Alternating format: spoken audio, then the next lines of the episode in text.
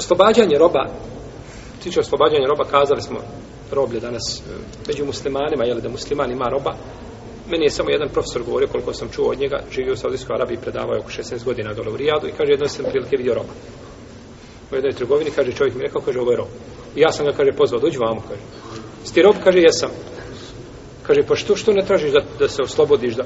Kaže, što ću se oslobađati? Kaže, kod moga gazde, kaže, oženio me, dao mi stan, imam auto, živim, kaže lijepo. Kaže, što ću tražiti, što, mi, što me kaže zanima da budem slobodan? Kad mi je, kaže, ljepše kod moga gazde, jeli, znaš, ako je čovjek bogobojazan, sigurno da će ga paziti, jeli, kao svoje dijete i neće ga opteriti onim što ne može, neće mu nepravdu činiti zulu. I nakon toga njega ne zanima, ja ga ja zvao rob, ja ga ne zvao rob. Njemu to dođe, jeli, na kraju isto. Tako da, da je ovo rijetko, to su zamijenile danas sluškinje, jeli, isto, koje su napravile pesad po zemlji. Džumhur uleme, suprotno imamo Ebu Hanife. Suprotno imamo Ebu Hanife.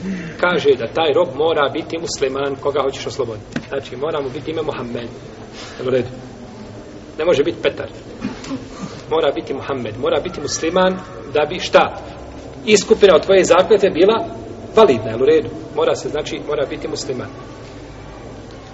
I oni kažu, ovo je, ovo je ovdje je spomenuto da tahriru rekabe a e, šta se kaže u e, fekafarta nama šta mi se mi nesima to tamo nekom evo kisatum, evo tahriru rekabe evo, da, ili da oslobodiš roba kakvog roba, ništa nije spomenuto kažu kada je došlo ubijstvo a, nenamjerno vjernika I kada je došao zihar, paganski način pustanja žene, došlo je da oslobodiš fetahriru rekabetin mu'mine. Došlo je da oslobodiš roba kakvog?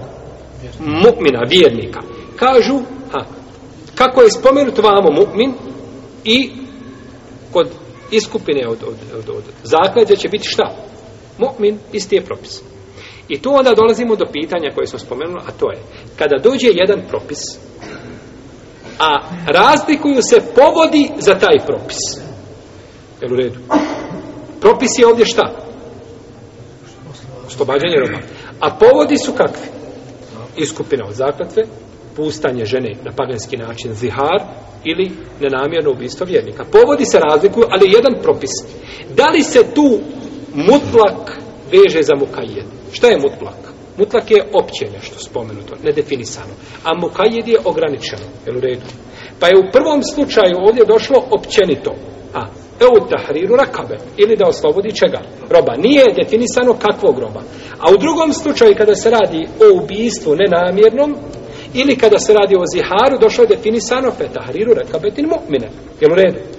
Pa je ovdje došlo mu... E sada, da li ovaj propis od iskupine, od, od, od, od zakletve, veže se zašta za, šta? za za, za, za vjernika ili se ne veže, budući da je tu definisana, ovamo nije poznato razilaženje među islamskim učenjacima u sul fikra i islamske jurisprudencije, ispravno je mišljenje da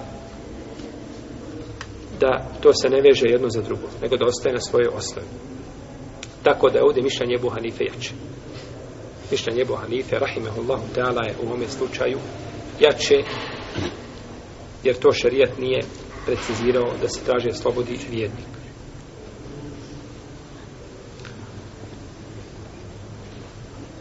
potom da se posti. Potom da se posti.